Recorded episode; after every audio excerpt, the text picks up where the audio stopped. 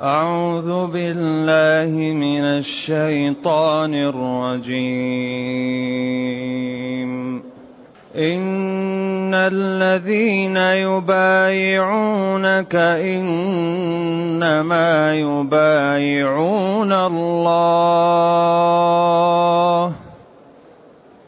يد الله فوق أيديهم. فمن نكث فانما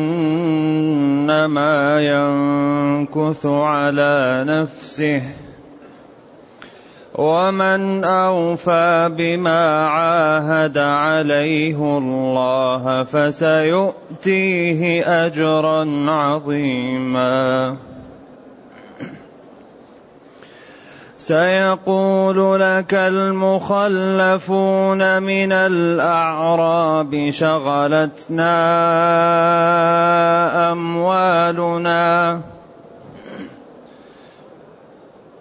سيقول لك المخلفون من الأعراب شغلتنا أموالنا. شغلتنا أموالنا وأهلنا فاستغفر لنا. يقولون بألسنتهم ما ليس في قلوبهم. قل فمن يملك لكم من الله شيئا ان اراد بكم ضرا قل فمن يملك لكم من الله شيئا ان اراد بكم ضرا أو اراد بكم نفعا بل كان الله بما تعملون خبيرا بل ظننتم ان لن ينقلب الرسول والمؤمنون بل ظننتم ان لن ينقلب الرسول والمؤمنون إلى اهليهم ابدا وزين ذلك في قلوبكم وزين ذلك في قلوبكم وظننتم ظن السوء وظننتم ظن السوء وكنتم قوما بورا الحمد لله الذي أنزل إلينا أشمل كتاب وأرسل إلينا أفضل الرسل وجعلنا خير أمة أخرجت للناس فله الحمد وله الشكر على هذه النعم العظيمة والآلاء الجسيمة والصلاة والسلام على خير خلق الله وعلى آله وأصحابه ومن اهتدى بهداه. أما بعد فإن الله تعالى يخبر عن الصحابة الذين يبايعون نبيهم عندما أشيع أن قريشا قتلت عثمان بن عفان رضي الله عنه وبايعوا على الموت. وقال هذه يدي ويد عثمان وبايع عن عثمان. وكان ذو مكان في قريش. فنوه بهذه البيعة العظيمة. وهذه التضحية الجسيمة وهذا الجود غاية الجود الجود بالنفس والجود بالنفس أقصى غاية الجود. إذا إن الذين يبايعونك يا نبي على أن يذهبوا إلى مكة حتى يكون النصر وأنهم لا يفرون وهو نفس الموت. لأنهم إذا إما أن الواحد ينال الشهادة أو ينال النصر كما قال جل وعلا قل هل تربصون بنا إلا إحدى الحسنيين وقال يقتل أو يغلب. عرف الإسلام ما فيه هزيمة في شهادة وفيه نصر. قل هل تربصون المسلم في إحدى الحسنين ينال الشهادة أو ينال النصر. وكل منهم أجرها كبير ونفعها عظيم. إن الذين تأكيد يبايعونك صلة الموصول يبايعونك. يعني هذه الصلة إنما يبايعون الله. كما قال جل وعلا من يطيع الرسول فقد أطاع الله. لأنك أنت تنفذ أمر الله. والله هو الذي أرسلك وهو الذي قال لك تفعل. إذا الذي يتعامل معك ويطيعك هو طاع الله والذي يبايعك هو بايع الله. إذا إن الذين يبايعونك إنما يبايعون الله.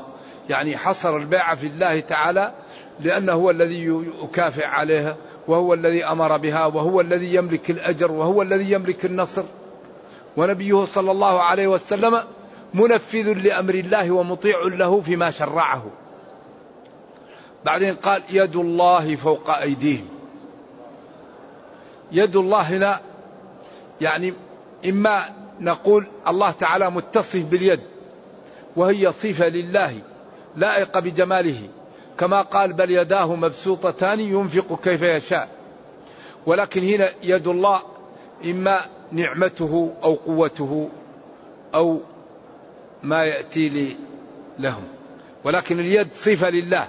لكن هنا يد الله فوق أي قوته وقدرته فوق قدرتهم أو نعمه على خلقه فوق ما يملكون.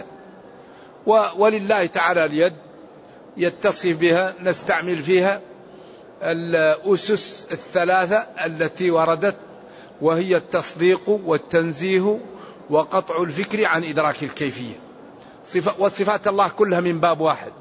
والذين يفرقون بين الصفات لا يسلهم ذلك. لأنه لا دليل عليه لا من كتاب ولا من سنة. الصفات المعنوية وصفة المعنى وصفة جامعة. ويثبتون صفات المعاني وينفون صفات الذات كاليد والاستواء والنزول والقدم والساق.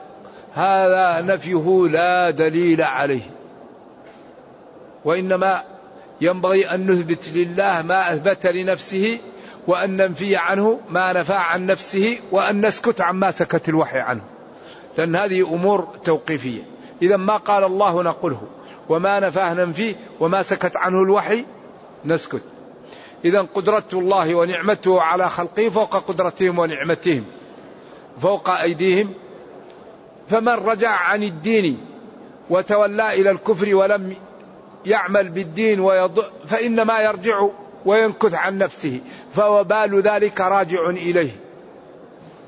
إذا من كفر أو ارتد أو لم يعمل للجهاد ولم يقم للدين فإنما ضرر ذلك عليه. فالله غني ودينه ناصره. لذلك هذا الدين منصور لا يقاوم ابدا الإسلام. لكن بشرط أن يتبعه أهله. لأن نحن عندنا صفقة مع الله. إذا اتبعنا الدين الله ينصرنا. إذا لم نتبع الدين ماذا؟ لا ينصرنا. إن تنصروا الله ينصركم. لكن إن لم تنصروا دين الله ولم تعملوا به فلا يلومن أحدنا إلا نفسه. قال قل هو من عند أنفسكم.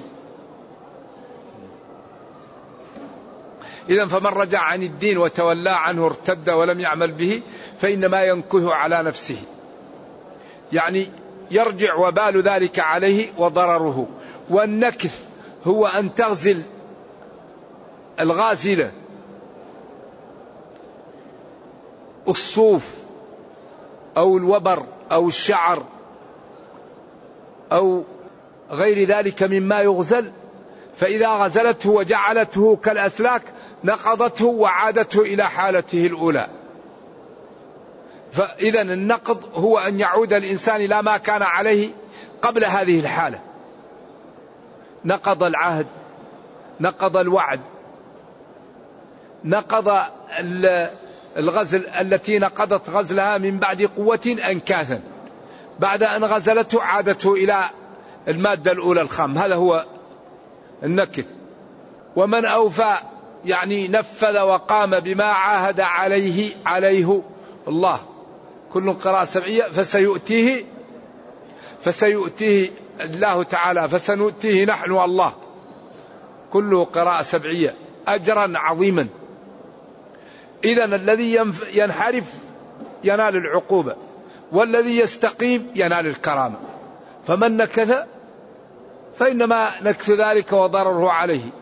ومن أوفى قام بما عاهد عليه الله بما عاهد عليه الله كله يعني بما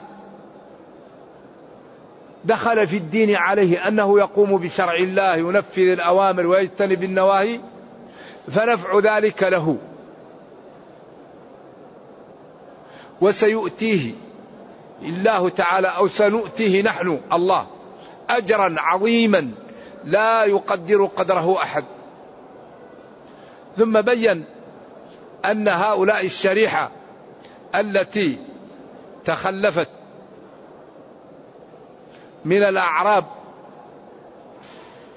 كاذبين فيما يقولون شغلتنا أموالنا وأهلنا فاستغفر لنا. قال تعالى يقولون بألسنتهم ما ليس في قلوبهم. هذا تعبير غاية في الحسن والأدب. وأنهم كذبه يقولون بألسنتهم ما ليس في قلوبهم اذا هم كذبه ما ما هذا الذي يقول ما هو في قلبه.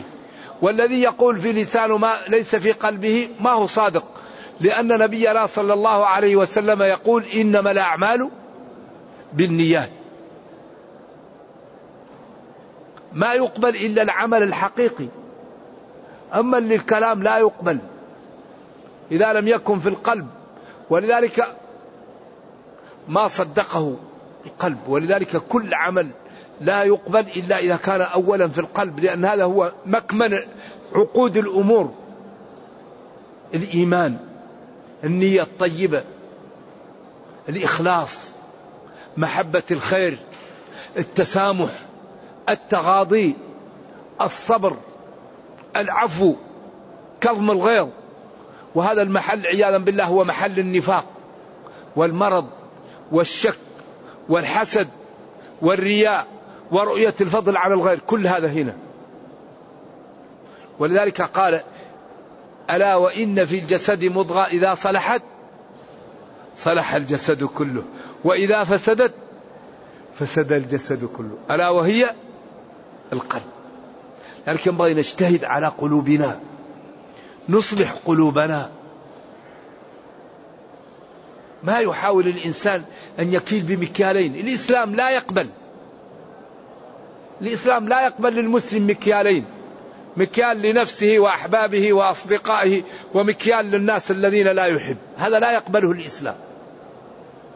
الإسلام يقبل للمسلم مكيال واحد. تكيل لمن تحب ولمن تكره. واحد.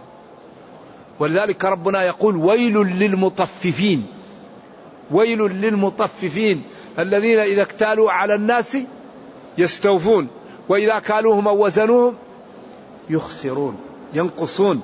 ألا يظن أولئك أنهم مبعوثون ليوم عظيم؟ لا بد من العدل لا بد من الإنصاف لا بد من النزاهة لا بد من تجرع قبول الحق. كثير منا إذا قال الحق من يراه من يرى نفسه أرفع منه لا يقبل الحق. يا أخي الحق يقبل. الحق يقبل ممن قاله. لا تحقرن الرأي وهو موافق حكم الصواب إذا أتى من ناقص. فالدر وهو أعز شيء يقتنى محط قيمته هوان الغائص. الواحد يأنف يقول هذا ضعيف هذا صغير هذا جاهل لا نقبل منه الحق. لا الحق يقبل ممن قال. وكذلك الخطأ يرفض ممن قاله. لا الحق الميزان هذا لا بد نعتني به. ووضع الميزان. أن لا تطغوا في الميزان. ميزان. هذا حلال هذا حرام هذا مكروه. هذا مندوب هذا جائز هذا لا يجوز هذا واجب. لا بد أن نضع الأمور. إذا هؤلاء المخلفون من الأعراب عن الذهاب معه إلى الحديبية لما رجع قالوا شغلتنا أموالنا وأهلنا فاستغفر لنا. الله أكذبهم وقال يقولون بألسنتهم ما ليس في قلوبهم. لأنهم ما شغلتهم أموالهم ولا أولادهم. ويقولون استغفر لنا رياء وسمعة ولا يريدون الاستغفار أصلا. كما قال ابن أبي بن سلول أرجو الله السلام والعافية لما قالوا له اذهب قال قلت نذهب دخلنا في الإسلام. قلتم نخرج خرجنا. طيب يستغفر لنا. ما بقي إلا تقول اسجد لمحمد صلوات الله وسلامه عليه. كان ذلك في المريسيع فاستغفر لنا يقولون بألسنتهم ما ليس في قلوبهم. إذا المسلم لا يقول إلا ما في قلبه. إلا إذا كان هناك مجاملة يجامل لأجل أن لا يظهر سيء الخلق سيء الملكة. كما قال عمر رضي الله عنه في البخاري إنا لنبش في وجوه قوم وقلوبنا تلعنهم. يقولون بألسنتهم ما ليس في قلوبهم؟ قل لهم يا نبي من يملك لكم من الله شيئا؟ إن أراد بكم ضرا أو أراد بكم نفعا. أنا لا أملك لكم شيء. والذي يملك لكم شيء ربكم وهو الذي أراد لكم الضر في أن تخلفتم وتركتم ذلك فهذا هلاك لكم. إن أراد بكم ربكم. نفعا أو أراد بكم ضرا فأنا لا أملك لكم شيء. وإنما أملك لكم أن أقول لكم تعالوا اذهبوا معي. اذهبوا معي لهذه العمرة حتى نكثر سواد المسلمين وإذا جاءتنا قريش نكون مع بعض. بل كان الله بعملكم أو بالذي تعملونه. خبير لا يخفى عليه. وسيجازي كل منكم بعمله. إن تاب فيكون الجزاء خير وإن بقي على ضلاله ونفاقه فسيكون الجزاء من جنس العمل. بل إضراب عما تقدم. اعتقدتم أن لن يرجع الرسول والمؤمنون إلى أهلهم أبدا لقلة عددهم وعددهم وقوة الكفار وكثرتهم وتعاونهم على المسلمين. أن لن يرجع الرسول والمؤمنون إلى أهلهم أبدا. وزين ذلك في قلوبكم.